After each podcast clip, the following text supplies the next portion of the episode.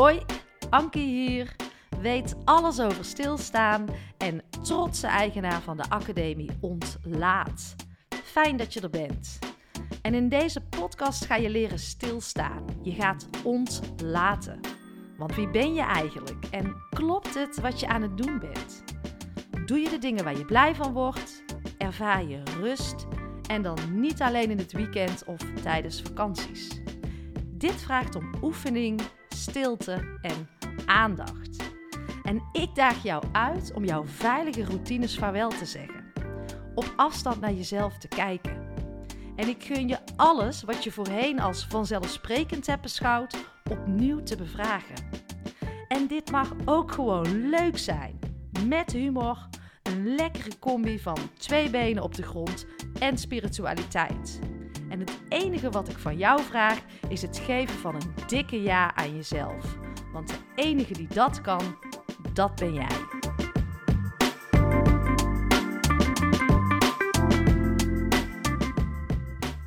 Yes, we gaan beginnen. Welkom. Fijn dat je er bent. Heel fijn dat je luistert.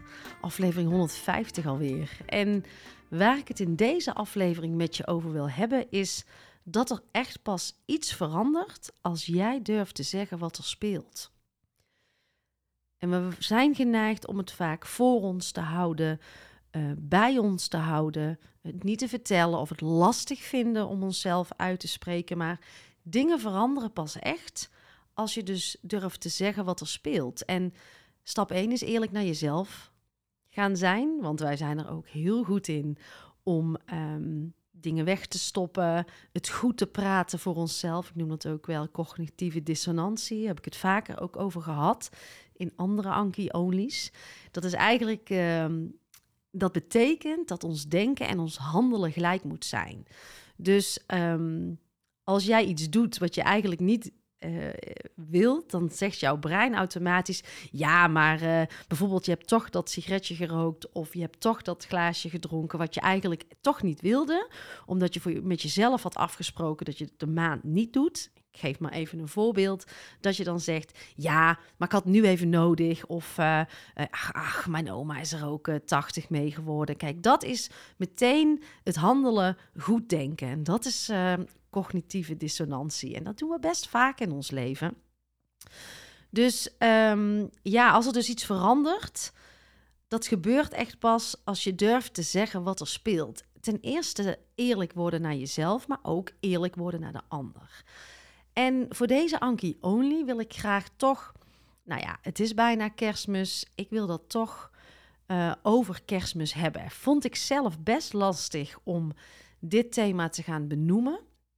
Maar de afgelopen weken heb ik veel mensen gesproken in aanloop naar kerstmis. En ik merk gewoon dat de meningen gelukkig en, en, en de behoefte om kerstmis te vieren, die zijn enorm verdeeld. Um, nou, het is net de maatschappij, zou je zeggen. Maar de een wordt helemaal blij van de lichtjes, de lampjes, de gezelligheid, de samenhorigheid. En de ander heeft daar helemaal geen zin in. Um, wordt alweer moe van het plannen, het aanschuiven, het moeten, het moeten, het moeten. De verwachtingen die mensen allemaal uh, naar elkaar hebben.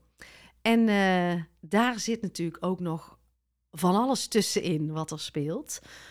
Maar wat mij soms wel opvalt, is dat het een soort gewoonte is. Soms ervaar ik het ook wel als een soort ongeschreven regel. Kerstmis komt eraan en we gaan allemaal weer in hetzelfde stramien eh, door zoals we het altijd deden. En ik hoop door mijn kijk te delen, en vind ik soms, nou, dat vond ik best wel lastig, want ik wil het ook dus absoluut niet veroordelen. Maar eh, ik hoop dat door mijn kijk te delen, dat je daar een stukje herkenning in vindt. En um, dat we elkaar dus ook veel meer die ruimte gaan geven van hoe iedereen de kerst ziet. En dat het niet elk jaar maar weer hetzelfde is, want het is traditie en we moeten dit doen omdat we het zo doen. Uh, maar dat we juist dus echt ruimte aan elkaars behoeften gaan geven hierin. En misschien hier ook wel eens het gesprek met elkaar over gaan voeren. Want uh, als ik om me heen kijk, en kijk, mijn verhaal is dus Uh, mijn kijk is niet de waarheid, is niet de werkelijkheid. Ik ben echt van mening dat het diverse invalshoeken zijn hoe wij met elkaar naar kerstmis kijken. Maar er is ook niet één manier van kerstmis vieren. En ik hoop dat ik door dit met jullie te delen, dat daar toch wel ook het gesprek over gevoerd mag gaan worden met elkaar. En dat we ruimte aan elkaar gaan geven. Dus ik dacht gewoon, ik ga gewoon mijn verhaal, hoe ik ernaar kijk. In ieder geval ga ik beginnen met delen. Liefdevol delen, zonder oordeel, zonder te zeggen dat uh, jij het anders moet doen. Want gelukkig mag jij zelf die keuzes maken. Maar wellicht vind je er toch iets van herkenning in. Of helpt het jou om ook eens het gesprek te voeren met de ander. Omdat niet iedereen hier op dezelfde manier instaat. En ik soms wel het gevoel heb dat het toch op een bepaalde manier moet. Omdat we het altijd zo doen. En dat dat gesprek niet wordt gevoerd. En in de aanloop naar kerstmis, en ik kom op best wel wat plekken, spreek veel mensen. Als ik daar een conclusie uit mag trekken, 75% hoor ik toch wel enige vorm van klagen in. Het is te druk. Ik wil het eigenlijk niet, maar ik doe het maar zo omdat die het altijd zo wil. Uh, poepoe, uh, liever geen drie dagen. Ik wil ook tijd voor mezelf en voor mijn gezin. En dan toch uiteindelijk weer alle dagen vol zitten, uh, geleefd worden, uh, helemaal niet zoveel meer willen eten, maar eigenlijk een hele andere soort kerst willen vieren, maar toch weer teruggaan in die oude tradities, omdat ze zo zijn. En ja, dat is een mooie vraag meteen al. Moeten we bepaalde tradities in ere houden? Vind ik een lastige. Um, voor wie wil, denk ik ja. En voor wie niet wil, nee. Uh, die mag daar ook ruimte in krijgen. Dus Laat ik bij mezelf eens beginnen. Ik denk dat ik even terug moet gaan naar mijn kindertijd. Heb ik kerstmis toen altijd als niet leuk ervaren? Daar durf ik uh, als antwoord op te geven. Ik had best fijne kerstmomenten. Ik weet nog dat mijn moeder altijd zo bavarois maakte. En uh, zou ik eigenlijk nog wel eens een keer willen doen met haar. We pakten niet enorm uit. We vierden dat denk ik meestal wel met een ander gezin samen. Maar ik heb kerst nooit, ja, ik vond het als kind oké. Maar ik was nooit echt heel sprankelend over kerstmis. En ik, vroeger gingen wij zelfs nog naar de kerkje op kerstavond. Dat is echt heel lang geleden. Ik ben nu 42. Ik denk dat ik op mijn negende voor het laatst in een kerk ben geweest. Bij de avondmis of de nachtmis dan, op kerstavond. Had ook wel iets. Maar goed, uh, dat geloof heb ik uh, helemaal losgelaten. Um, en ja, uh, toen ik twaalf was, zijn mijn ouders uit elkaar gegaan. En toen vond ik kerstmis ook altijd... Nou, ik had er geen hekel aan, maar ik vond het wel lastig omdat ik moest kiezen voor mijn gevoel. Van je wil en bij je moeder zijn met kerst en je wil bij je vader zijn met kerst. En uiteindelijk komt er ook nog een man in je leven. Dus je hebt ook een schoonfamilie waar je bij wil zijn. En ik voelde me altijd wel een beetje in een spagaat zitten om keuzes te maken. Ik wilde ook heel graag met vrienden kerstmis vieren. En ik wilde ook op stap. Dus het is voor mij altijd een soort van.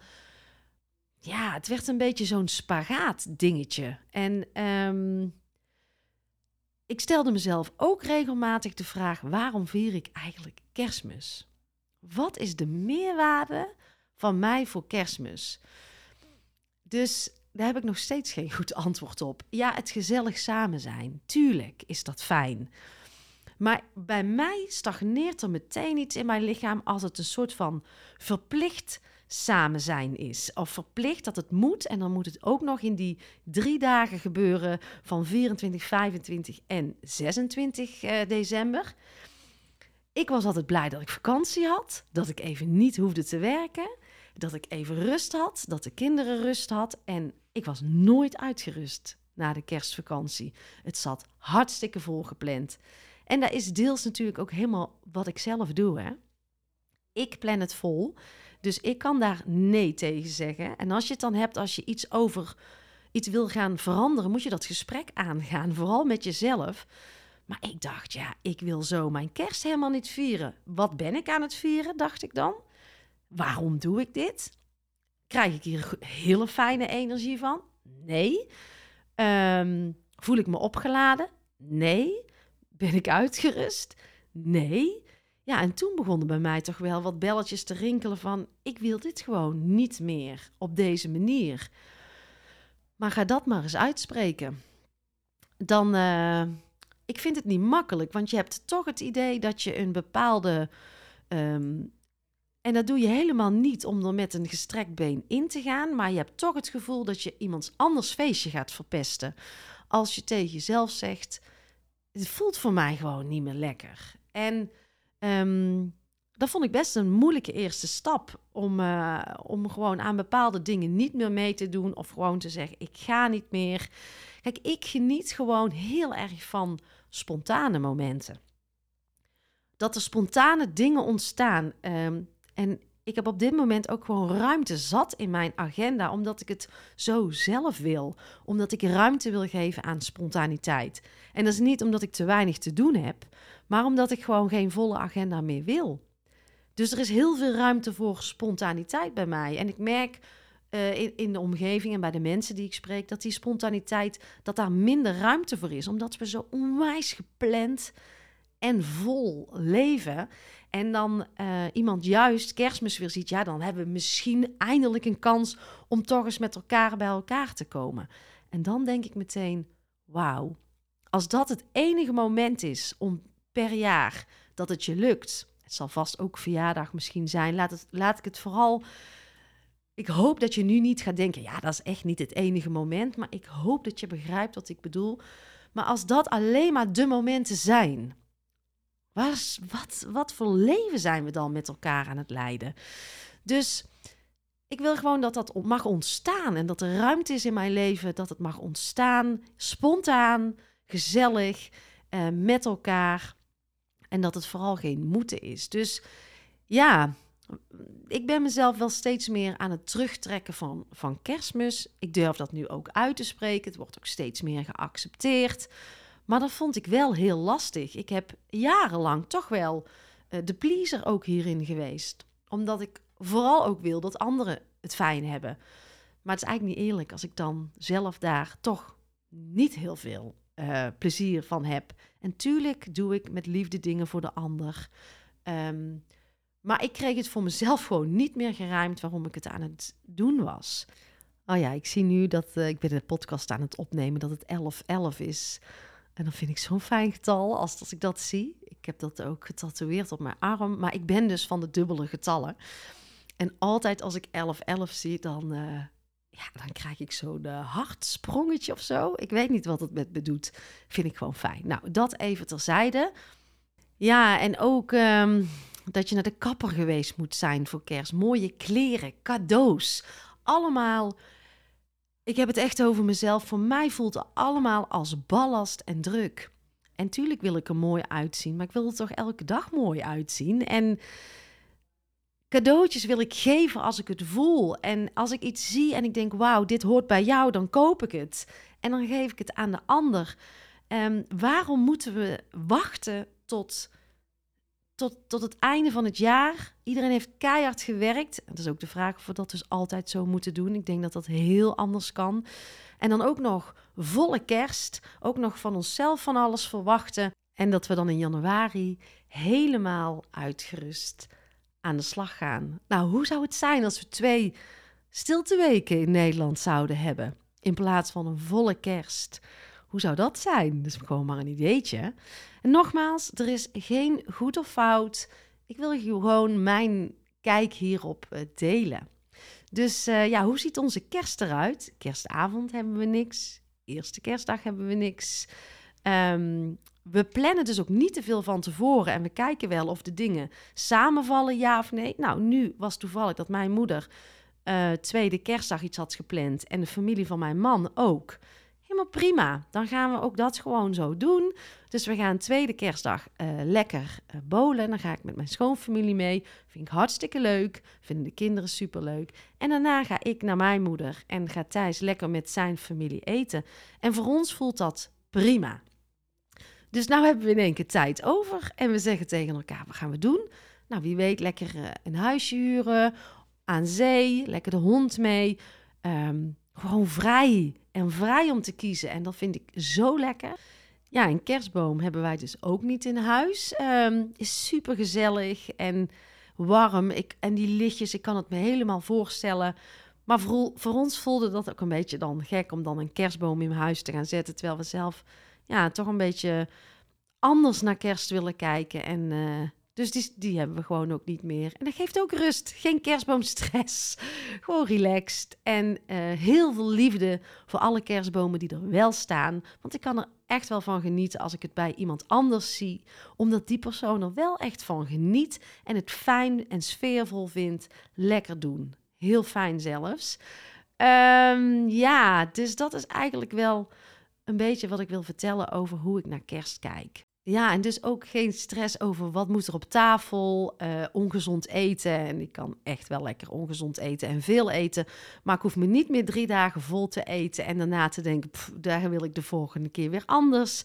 Het is er ook allemaal niet. En alles kan ook zeker tijdens kerst veel meer in balans komen. Ehm, je kan ook drie dagen gewoon eten, maar wel gebalanceerd. Of gewoon een hele andere vorm van kerst. Want waarom moeten we drie dagen eten? Waarom moet je drie keer op een dag eten? Allemaal iets om over na te denken. Oh ja, en al die verplichte kerstborrels, die zijn er natuurlijk ook nog. En soms denk ik ook wel eens, hoeveel mensen voelen zich niet hartstikke eenzaam? Of kunnen geholpen worden? Of kunnen we juist iets geven? Um, mensen die heel veel verdriet hebben, wat op zulke momenten juist heel sterk naar boven komt. Het is niet altijd makkelijk in zo'n periode dat het allemaal fantastisch moet zijn, dat het misschien voor heel veel mensen niet fantastisch voelt. En ja, die gevoelens spelen ook wel bij mij. Daar zou ik toch wel aandacht voor willen hebben met elkaar. En ik hoop dat um, we met elkaar hierover het gesprek gaan voeren.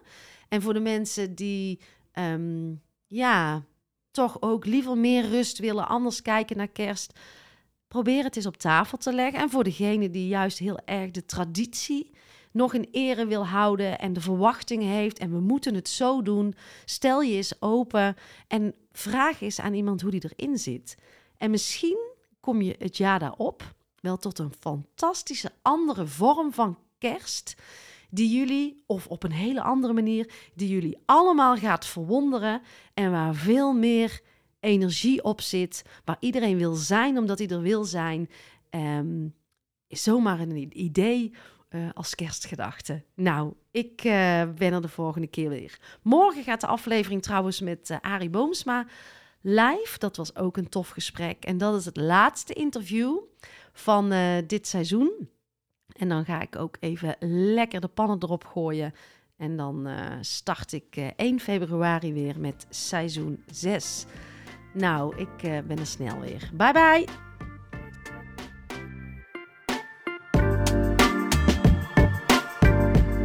Lieve jij, dankjewel voor je tijd en dankjewel voor jouw aandacht. En word je blij van mijn podcast? Helpt het jou en voel je de behoefte om bij te dragen? Dan is dat absoluut welkom. En ik geloof in die wederkerigheid vooral vanuit die gedeelde waarden. En je helpt mij door deze podcast te delen en uh, onder de aandacht te brengen in jouw eigen netwerk. Maar ook door het schrijven van een prachtige review. Uh, een financiële bijdrage wordt ook absoluut gewaardeerd. Heel fijn uh, zelfs. Of misschien wil jij of jouw organisatie instappen in de Ontlaatacademie? Wees welkom. In de show notes eh, vind je meer hierover. Nou, fijn dat je er bent. Dank je wel. Tot de volgende podcast.